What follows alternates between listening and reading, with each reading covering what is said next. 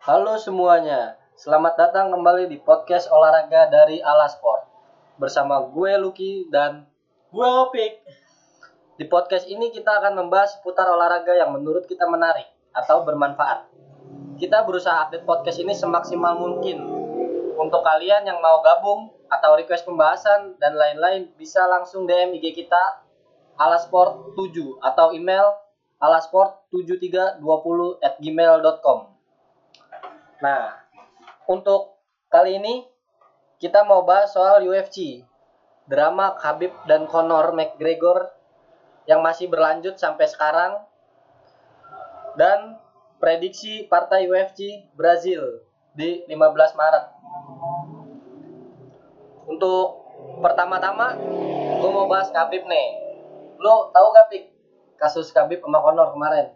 Yang lo tahu gimana? Kalau yang gue tahu sih, kalau Habib itu orangnya sabar, selalu rendah hati lah kalau dia dicaci maki oleh MC Gregor gitu. Selalu musuh bubuyutan gitu, tapi salutnya sama Habib tuh salutnya sabar buat orang gitu. Nah, pasti lu juga sebagai orang awam yang belum ngikutin UFC pasti nilai kayak gitu kan. Nah, gue mau bahas lebih detailnya lagi nih. Kita bahas seputar pertandingan Khabib sama McGregor. Walaupun udah kelewat, pertandingannya udah kelewat lama, udah bertahun-tahun. Tapi sekarang dia tuh masih ribut di sosmed, di Twitter, masih saling ejek-ejekan. Nah, sebelum gue bahas yang sekarang, gue bahas kasus yang dulu lagi nih. Sebelum pertandingan UFC antara Conor McGregor versus Khabib. Nah, di sebelum pertandingan itu emang Conor itu mulutnya mulut sampah semua ngina Khabib. Dia ngina bapaknya Khabib sebagai teroris. Karena kan Khabib dari petarung Islam kan. Iya benar. Nah, bapaknya dihina sebagai teroris. Selain hina juga bis bis Khabib, bis gerombolannya Khabib pas lewat Hmm. mau ke dalam room UFC disambit sama Conor. Pakai yang dorongan itu tuh. Dorongan apa? Dorongan botol-botol gitu tau kan lu? Iya, iya, iya. dilempar sampai pecah itu kegilaannya Conor dan ada lagi pada saat pertandingan itu press conference Khabib itu ulang tahun. Betul Khabib lagi ulang tahun sebelum pertandingan. Pas lagi sesi pertanyaan wartawan sama Conor di, di storyin AO di storyin minuman keras. Khabib lu tau kan Islam? Iya benar Islam dia. larangan Salah. juga kan? Iya benar. minum alkohol apalagi Khabib Islamnya kuat lah boleh dikatakan. Ditawarin Conor kamu ulang tahun silakan minum kita rayakan ulang tahunmu ulang tahunmu. Terus Khabib bilang I don't drink saya tidak minum. Saya nggak minum alkohol gitu loh. Terus Iya, sama Conor kalau di di- Islam, dia iya. dipaksa. Dipaksa minum Khabib nggak mau kan. Pada ketawa-tawa aja orang. Nah di di di sebelum pertandingan itu Khabib terkenal orang yang sabar. Conor terkenal orang yang stres gitu. Ngomong mulu. Selalu banyak mulut ngoceh. Iya. kayak kayak lu sebelum bertanding lu berusaha nakut nakutin lawan lu lah. Hmm. dengan menghina Habib, menghina ceweknya, Iya. ceweknya pakai cadar, Di lah, di gendon gitu ya. Mm, tapi Habib memang dari dulu orangnya nggak mudah terpancing. Nah pada saat itu banyak banget hinaan-hinaan Conor, tapi emang kalau menurut gua, menurut orang-orang MMA, orang-orang yang sering berantem gitu, Wah, hinaan itu ya bagian dari MMA. Kadang dengan kita menghina buat lawan takut. Itu bagian strategi lah selain buat lawan takut ya buat pasar. hmm. Kalau kagak ada drama ya lu berantem berantem aja. Ya semua orang juga bisa, bener Iya. gak? Kan lu di TV sebelum berantem ya lu bacot dulu lah biar semua orang TV tertarik lihat pertandingan lu. Oh ini kayaknya musuh seru nih. Iya. Saling hina-hina. Bahkan dari dulu-dulu sampai ada yang hina ibu lu tuh pelacur. Dikatain gitu sama petarung-petarung yang sebelumnya. Malah kalau gitu media senang ya. Mm-mm. Media seneng. Nah, di situ pada orang-orang yang baru emang lihat, ih ngapain sih Conor begitu? Menghina-menghina, ya kan? Tujuannya apa sih gitu? Iya. Sebenarnya kalau lu paham itu pasar. Nah, emang ada bagian yang Conor hina yang banyak orang-orang nggak sap nggak nggak tahu orang-orang sekarang nih kayak menghina agama terlalu berlebihan lah kalau menghina agama bahkan ada juga petarung-petarung sebelumnya hina orang tu eh, orang orang tuanya ibunya tetap dihina nah di situ tujuan Conor adalah pasar menghina emang Conor selalu sebelum ribut sama siapa pun udah pasti menghina Berarti nggak sama Habib doang ya? Mm-mm, betul Semuanya berarti ya. sama semua petarung-petarung dia dari dia kecil lah bahkan dari di UFC dari muda-muda selalu begitu bacot mulutnya Itu kalau bocet begitu dia dia jadi pelatih apa apa dia sendiri tuh? kalau gitu bagi- ya. bisa ajaran pelatih bisa kemauan dia semua orang punya karakternya masing-masing Iya, kayak pelatih aja ada kan pelatih yang sebelum pelatih bola nih ada yang sebelum main udah bacot udah ngina Iya. saya ini tim ini Statement lah, bikin statement dia. Iya. statement. mancing-mancing Iya. bisa kemauan Conor bisa kemauan pelatih tapi lebih ke kemauan petarung itu sendiri Iya. Bikin mental down ya. Mm-mm. Nah, saat pertandingan nih di ronde awal nih ronde-ronde awal tuh Khabib bilang, eh Khabib menang banget. Conor udah pecah-pecah lah, udah bonyok, udah kalah, udah ketekan banget di ronde awal. Nah, Khabib bahkan sampai waktunya habis masih ngotot pengen mukulin Conor. Ngotot banget lah masih muda Conor gitu, tapi walaupun nggak mukul ya, di saat waktunya habis nih bel ronde pertama tuh masih ngotot.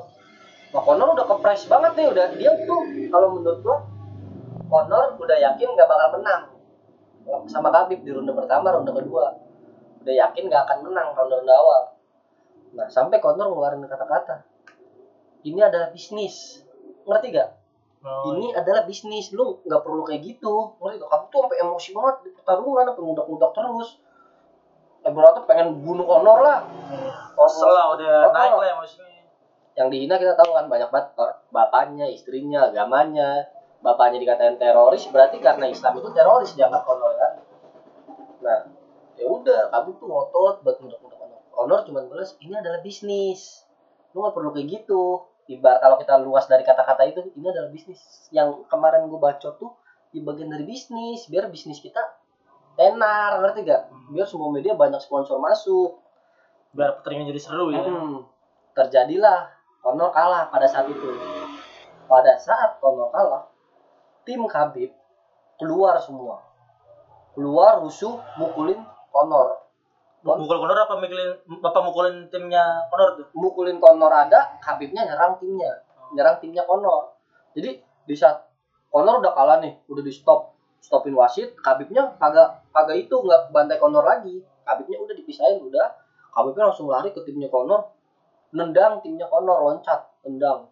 Kayak kayak loncat sambil nendang. Dan langsung timnya Khabib Maat datang ke Conor, mukul Conor, ngerti gak? Naik masuk ke ring semua, ke oktagon, Nyerang lah. nyerang Conor. Nah di situ rusuh udah terjadi tuh. Semua pengamanan keluar semua. Nah Kacau lah panik semua ya. yang gua ambil kesimpulan dari partai tersebut, orang-orang kan kayak orang-orang awam dah, Iya. orang-orang kita orang Indonesia yang sebelumnya nggak ngerti MMA, jadi viral kan nama Habib kan naik Ah. berita terus. Iya. Lu yang tadinya nggak pernah nonton jadi tahu. Kenapa lu tahu? Gua tanya, kenapa lu tahu? Karena bisnisnya Conor, karena Conor bacot. Bener Iya, iya. Habib main di UFC tuh udah berkali-kali, tapi nggak ada yang kenal Habib. Bener gak? Benar ya, baru Iya. ini doang. Ada yang kenal Habib. Tapi semenjak Habib lawan Conor, terkenal namanya. Iya. Dari dulu pertarungan Conor McGregor emang selalu jadi nomor satu pada tahun itu. Setiap Conor main, pertarungan Conor selalu jadi nomor satu di tahun itu. Emang Conor itu pintar nyari pasar. Dia bikin menarik semua pra, pra- ini ya Iya. penonton. nggak nyalain emang sukses boleh dikatain tuh boleh dikatakan Conor itu bukan petarung pebisnis. Conor ibarat Conor nggak berantem sama semua petarung itu berantem sampai bonyok-bonyok tetap duit banyakan Conor sponsor masuk terus. Karena sekali Conor berantem tuh harganya udah 10 20 kali lipat daripada Padahal dia kalah mulu ya orangnya. enggak dia bagus juga berantemnya. Kalah baru lawan Khabib sama pertandingan sebelumnya. Oh, tapi dia nggak modal bacot doang berarti. Hmm, nggak modal bacot doang emang jago bacot jago menang juara gitu-gitu mulu. Makanya dia bisa itu dan bacotnya dia tuh mahal. Selalu jadi pertarungan nomor satu lah setiap dia berantem. Nah orang kan ngira ih Conor apa sih? Kayak gitu mulutnya ya kan? Iya. pada nggak suka lah jadi perang agama malah Islam sama, Iya, jadi sama yang lain. Yang kan? di Indonesia netizen netizen Indonesia pada nggak suka gitu. Nah, di situ gua rada kecewa sama Habib. Gua kecewa kenapa satu? Kenapa? Dia benar, dia nggak suka agamanya dihina. Pada saat sebelum pertandingan itu jadi orang yang sabar, yang diam. Ditanya Iya, benar. wartawan, jawabannya ya udah polos aja. Nggak mancing ya. keributan Benar. kalau Conor selalu mancing tapi gue kecewa sama Khabib terus terang gue bukan fans Conor bukan fans Khabib tapi gue kecewa karena pada saat selesai pertandingan kenapa Khabib malah rusuh Iya, itu sih eh, ya tadi gue malah gue pikirin kenapa dia bisa nyerang begitu, bisa emosinya naik gitu. Kan dia orang penyabar gitu. Kok bisa sampai segitunya apa dia bisa membuat hatinya sakit? Mungkin si Conor ngatain bapaknya lah bagaimana gitu. Bisa jadi naik gitu. kalau emang dia mau marah ya dia marah aja pas pada saat dikatain bener gak Iya benar. ikut bacotnya lu langsung nyerang aja bener gak Mungkin dia ketahan emosinya, jadi pas di pertandingan tuh meluapkan emosinya sebrutal itu langsung dia. kalau menurut gua kalau emang dia mau nyontoin orang yang baik men- men- menyontohkan dia itu orang yang bener-bener baik dan sabar. Ya udah dia menang-menang aja bener gak Iya benar. buatlah kemenangan dia itu spesial. Gelar juara itu buatlah spesial tapi dia malah rusuh. Dan seakan-akan kalau pendapat gue dia kayak orang yang sabar tapi punya dendam. Iya benar. bener gak menurut gue ya kan? Kalau kata orang Islam tuh sabar tuh ada batasnya. Mungkin di situ kali dia batasnya tuh deh bener-bener meluapkan emosinya. Jadi ya gimana lagi ya orang ya dikenal sabar tapi kok malah nggak respect gitu.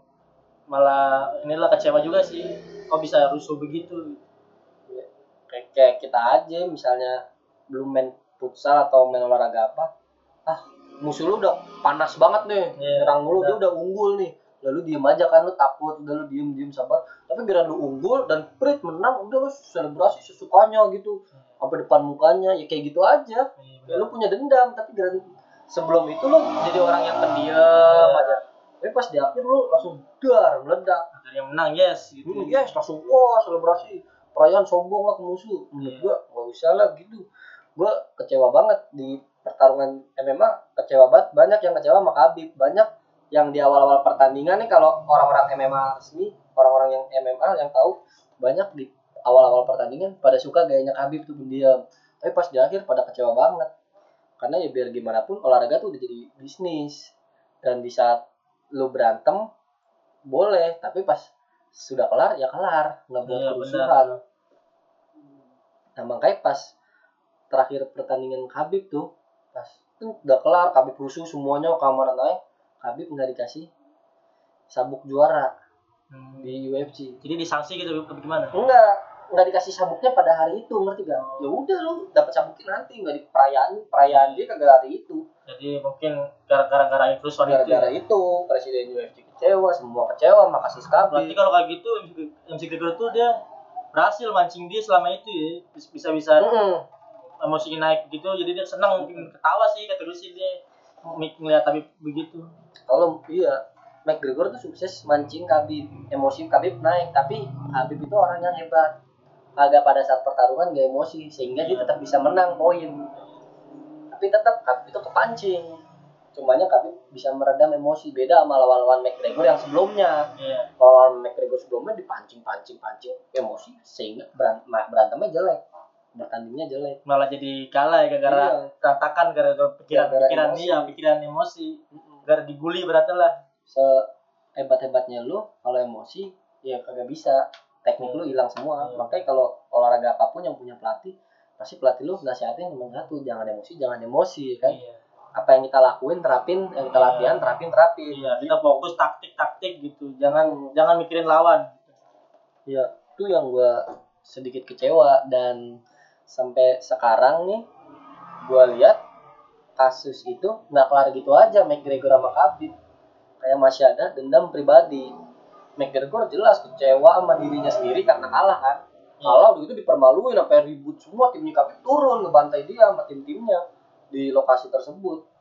Berkata McGregor kayak orang yang ditelanjangin lah di lokasi itu sama Khabib. Hmm, iya iya. kecewa tapi tetap walaupun McGregor kalah duit yang didapat tetap banyakan McGregor. Kan gue bilang dia pebisnis. Iya.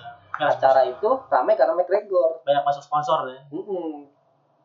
nah karena rame-rame McGregor ngajakin tanding ulang tuh. Cuman Khabib nggak mau. Khabib nggak mau. Kenapa nggak mau tuh? Berita-beritanya. Ya nggak mau emang Khabib ngerasa gue udah menang. Ngapain main lagi? Lawan gue udah bukan dia gitu loh. Siapa sih dia jadi ibaratnya itu sparring nebal gitu kalau kita Iya. kalah iya menang gue ngapain main sama dia gue harus naik level gitu lawan Iya. gue harus yang lebih jago lagi benar ya kayak sombong ya jadi emang harus next lawannya yang lain gitu Iya. nah pas pas ribut-ribut Kabib nggak mau nah sekarang kan Kabib mau main lagi nih tapi Ah. sama lawan yang baru Iya. Habib udah tanding setelah lawan McGregor udah tanding sekali. Tanding lagi. Nah, sekarang mau tanding lagi nih lawan Tony Ferguson. Nah, seharusnya Khabib ributnya sama Tony Ferguson nih kalau emang mau ribut sebelum pertandingan, tapi Khabib malah ngeladenin Conor di Twitter. Di Twitter malah saling serang sama Conor. Conor buat statement, saya selalu memeluk di akhir pertandingan. Sombong lah ibaratnya ya. Bukan Conor membuktikan kalau dia walaupun ribut di awal nih di akhir pertandingan dia selalu damai ngerti gak sama lawannya dia tuh ri- bacot di awal buat narik media. Oh, ketika bertanding mau hasilnya dia menang atau kalah dia pelukan sama lawannya. Jadi tetap respect ya. Mm. dia nyindir Habib tuh. Pokoknya ya gue biarpun gue di awal-awal bacot pertandingan kelar gue tetap damai. Tetap iya tetap biasa biasa aja jadi kayak orang teman aja ya udah jadi temen aja pelukan. Iya. Nah, nyindir lah ya kan, nyindir Khabib yang habis kayak gitu.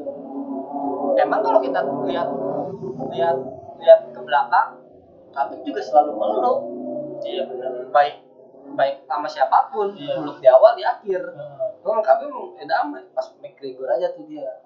Di akhir malah rusuh semua timnya pada ribut. Nah, McGregor bikin status kayak gitu membuktikan bahwa orang itu arogan, si Khabib itu arogan. Gua aja jadi terpancing ya gua aja di akhir keribut di akhir pertandingan selalu meluk kayak lu bermain kelar sparring selalu salaman kan sama lawan lu mau lu tadi main sampai pak ribut-ribut ya kan? Selalu salaman tuh. Kayak gitulah di MMA terakhir main salaman. Jadi tujuan musik itu dia pembisnis ada tujuannya gitu. Di awal marah-marah di terakhir tapi respect masih. Selalu damai. Ya sekarang kan kalau lu jadi atlet lawan lu tuh adalah rekan bisnis lu. Lu kagak punya lawan lu bisa gak jadi atlet nggak bisa kan? Iya benar. Bener gak lu harus punya lawan bener gak Heeh. Ya, jadi buatlah lawan lu senyaman mungkin karena tanpa dia lu gak bakal hidup. Iya nggak? Makanya jadi lu, motivasi lah ibaratnya. Iya jadi makanya ya lu kalau habis bertanding lebih baik kelar ya udah salaman. Jangan sampai lu saling menyakiti saling apa pun. Ya udah emang tadi kita ngelakuin ya udah emang jadwal kita bertanding sekian sekian dan udah kelar ya udah kelar. Kayak main bola tuh suka misalnya selama 90 menit udah setelah 90 Iya. menit udah beres. Kalau bisa lu jangan terlalu sampai matain kaki lawan lu nekel keras Iya, gitu. benar. karena lu itu ya sama-sama nyari duit di situ ngerti Iya. gak kalau kita baratkan di bola terakhir harus selalu pelukan ya kan? Selalu salaman. Gitu McGregor bikin status kayak gitu. Habibnya nggak nggak terima kan? Seakan-akan dia yang bersalah di akhir orang yang kayak gitu. Habib bikin status lagi menghina McGregor menghina McGregor bahwa McGregor itu petarung jalanan ngerti gak? oh jadi taruh preman lah ya. Jadi preman lah. Iya. Di taikin lah video McGregor waktu ribut di bar. Oh iya. Di bar ditaikin dia itu petarung jalanan. Ditaikin lagi sama Conor. Khabib juga petarung jalanan. Ada videonya Khabib.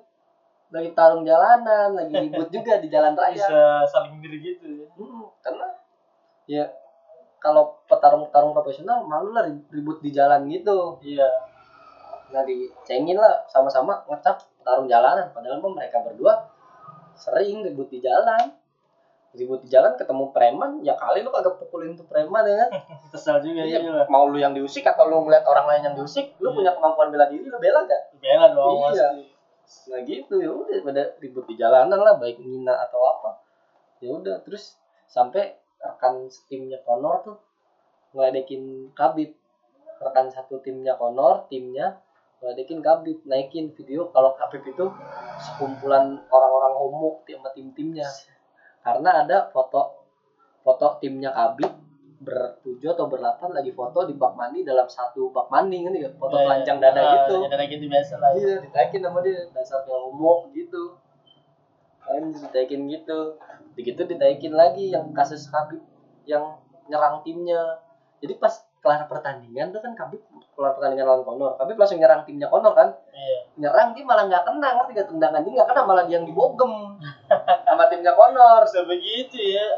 Dia nyerang dia kesel tapi malah salah pukul berarti awal gitu. emosi begitu. Pak. iya sih jadi ke mana-mana ngelantur lah. Tonjokannya ke mana-mana. Dia berusaha mau nendang temennya Conor ngeles pukul dah dia langsung dipisah-pisahin gitu kan rame. Nah ada fitur rekamannya ditaikin lagi dasar bodoh gitu lah. Lu nyerang gua tapi malah lu yang gua pukul gitu aduh. Jadi keributannya tuh masih sampai sekarang walaupun sekarang nih kalau menurut gua Khabib jauh lah Khabib, Khabib adalah petarung yang hebat menurut gua. Tapi kalau dari hasil prestasi menang mana tuh?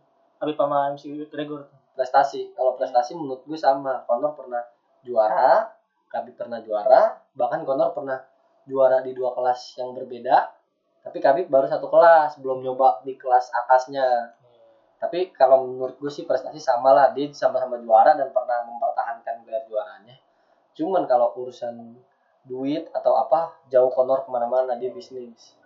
Karena kita lihat Khabib petarungnya petarung Islam biasa petarung Islam mulutnya nggak pernah sompral santun aja kita Iya. berantem ya berantem aja sesuai kita bisnis gitu aja petarung Islam. Jadi ya nggak banyak sponsor yang masuk ke Khabib tapi setelah pertandingan melawan Conor gue yakin banyak sponsor-sponsor masuk Habib ya? masuk ke Khabib karena pertandingan lawan Conor. Kembali lagi Conor yang mempopulerkan pertandingan itu. Banyak orang-orang yang nggak tahu Khabib setelah lawan Conor setelah bacotnya Conor jadi tahu. Se Indonesia dulu nggak ada yang tahu kejadian itu karena ada hinaan-hinaan dari Conor baru tahu kan? Iya ada petarung Islam yang juara dunia. Iya. dan orang sabar. Mm-mm.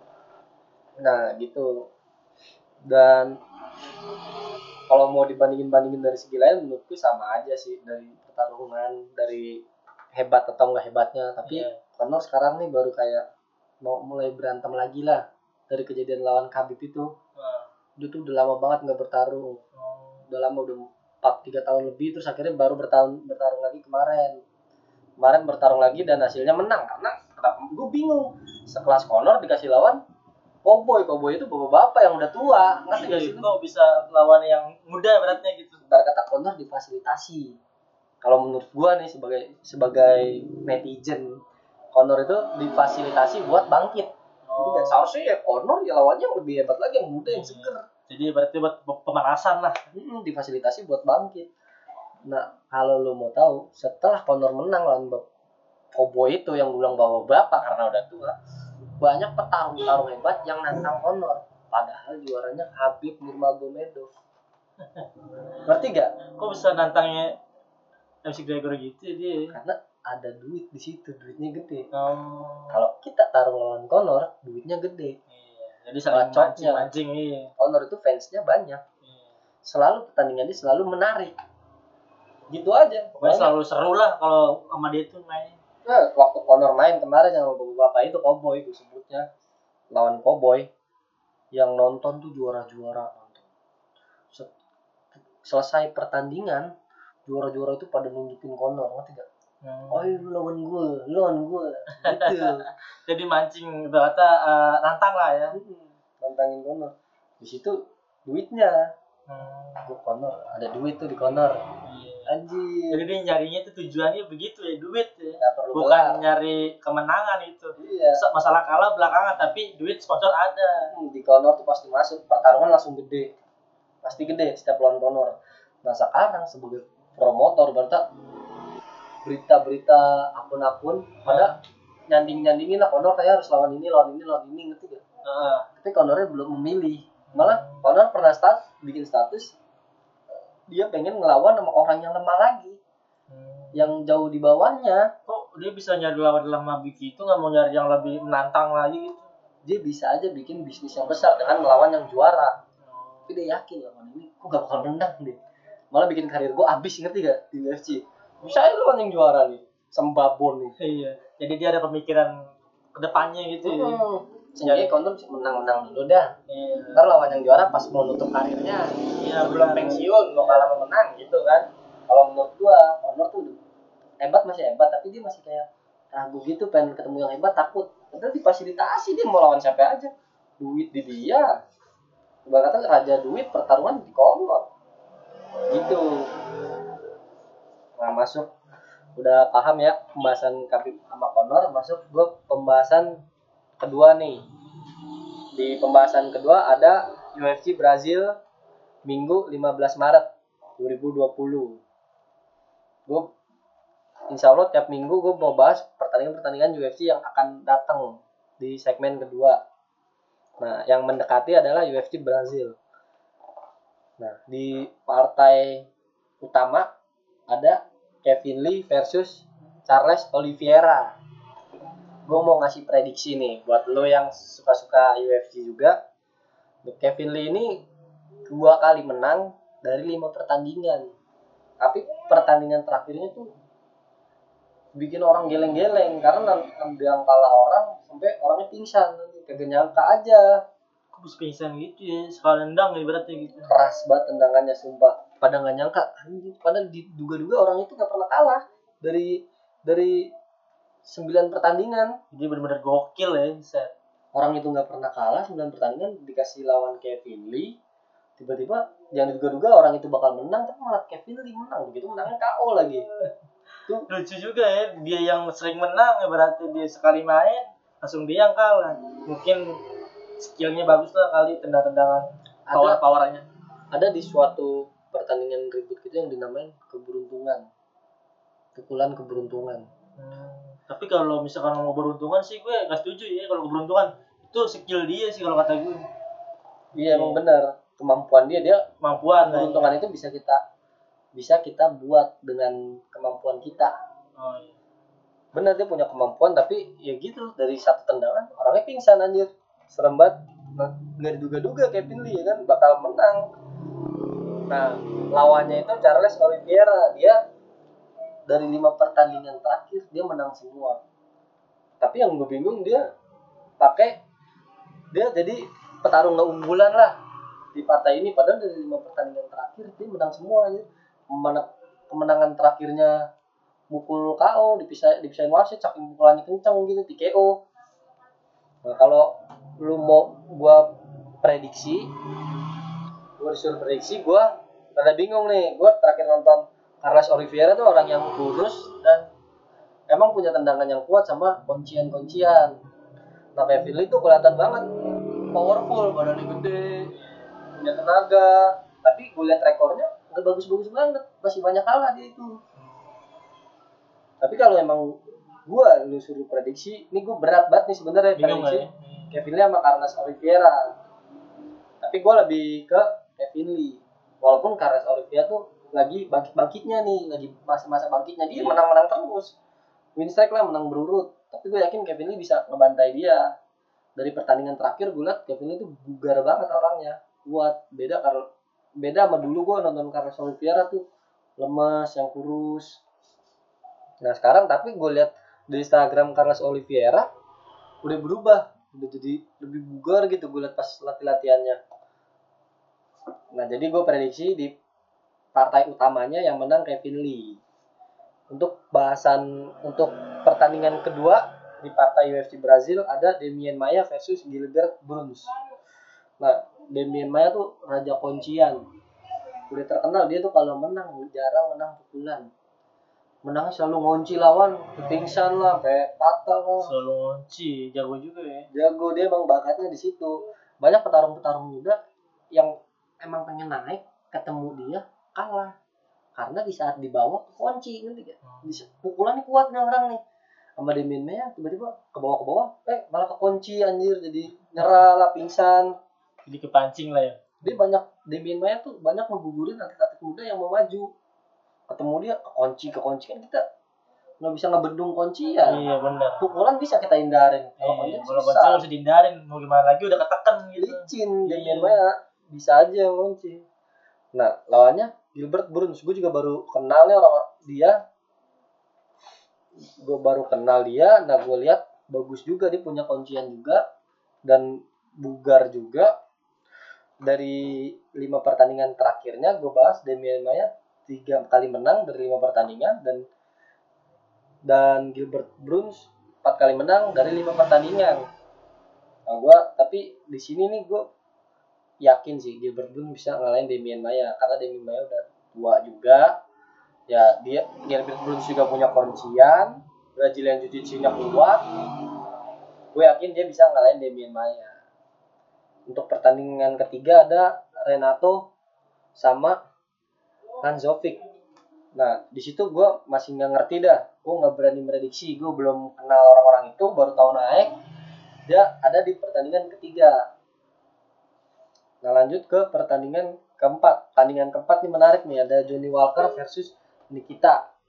Nikita anjir. Nah Johnny Walker tuh kayak orang yang diduga-duga hebat tapi pertandingan kemarin kalah. Diduga-duga bakal naik namanya. Bakal naik ke permukaan lawan juara. Tapi pertandingan kemarin kalah. Kalahnya bonyok lagi dipukulin. Itu bisa kalah gitu karena mungkin lagi naik naiknya apa emang dia ada masalah gitu ya bisa kalah gitu. Jadi dia itu udah unggulan dah. Gue yakin semua pejudi megang dia semua orang megang dia. Dia diduga-duga bakal lawan sang juara. Dia juga udah udah ngeledekin yang juara. Misalnya lu juara nih udah gue ledekin gue bakal lawan lu gue bakal matiin lu. Iya. Tapi sebelum lawan yang juara itu dia harus ngelewatin tahap satu ini dulu. Iya benar. Selewatin dulu. Jangan main kayak sedih dia dulu gitu. Hmm, tapi bacotnya udah kayak yang juara. Gue bakal menang. lawan dia tapi gue nanti nanti di finalnya gue lawan lo dan gue bakal menang bakal juara gitu. Nah. jadi dia udah bikin statement gitu dulu pressure lah. Dan apaknya di awal-awal dia kena satu pukulan yang bikin dia celeng. Tapi dia masih bangun masih berusaha ngindarin pukulan-pukulan selanjutnya. Malah kena-kena terus tapi dia jomplang jomplang jomplang. Nah gua kecewa juga anjir. Gua dukung dia ya kan? Nggak mau diprediksi dia. Dia siap ngalahin yang juara gua udah yakin banget. Mau wasit di stopin emang kan di MMA kan mengutamakan keselamatan di UFC itu sendiri. Iya benar. Mengutamakan keselamatan. Keselamatan pemain nomor satu. Bukan emosi semua pemain juga pengen menang. Mau bonyok benar. juga mau yakin. Yakin gue masih sanggup gue masih sanggup. Tuh, kalau udah pecah mata lu udah bisa ngeliat. Gitu. Tapi kalau buat patah tangan tuh ada ini gak sih tuh kayak uang uang berobat gitu dari wah udah asuransi semua dokter. asuransi. Dok semua. Apa apa gaji rugi berarti gitu sama yang, yang matahin tangannya? Oh, enggak. Kan kan kita kan situ kan UFC kan tetap keselamatan nggak boleh ada yang patah tangan. Kalau banyak kok nggak nggak apa-apa kali walaupun bonyok. Patah kan pemain nih kalau patah nih kita bahas patah. Pemain dikasih di saat dia mau patah dia bisa menyerah. Dengan jadi dia bisa nepok-nepok. iya baik ubin lah berarti ubin atau badan musuhnya Iya. atau badan dia atau gimana? Namanya Atau- tap iya. namanya tap. Nah wasit langsung misahin. Iya benar. Yang dinamain kunci di saat tangan lu dikunci kan pengen dipatahin tuh. Nah, yang dikunci tangan pengen dipatahin atau kaki. Mending kita ngomong nyerah gitu udah ya eh nyerah nyerah nyerah. Tapi banyak juga petarung yang ngeyel. Oh. Ya emang karena dia butuh pertarungan ini dia harus menang buat naikin nama dia. Semua pertarungan tuh berharga buat diri petarung itu sendiri.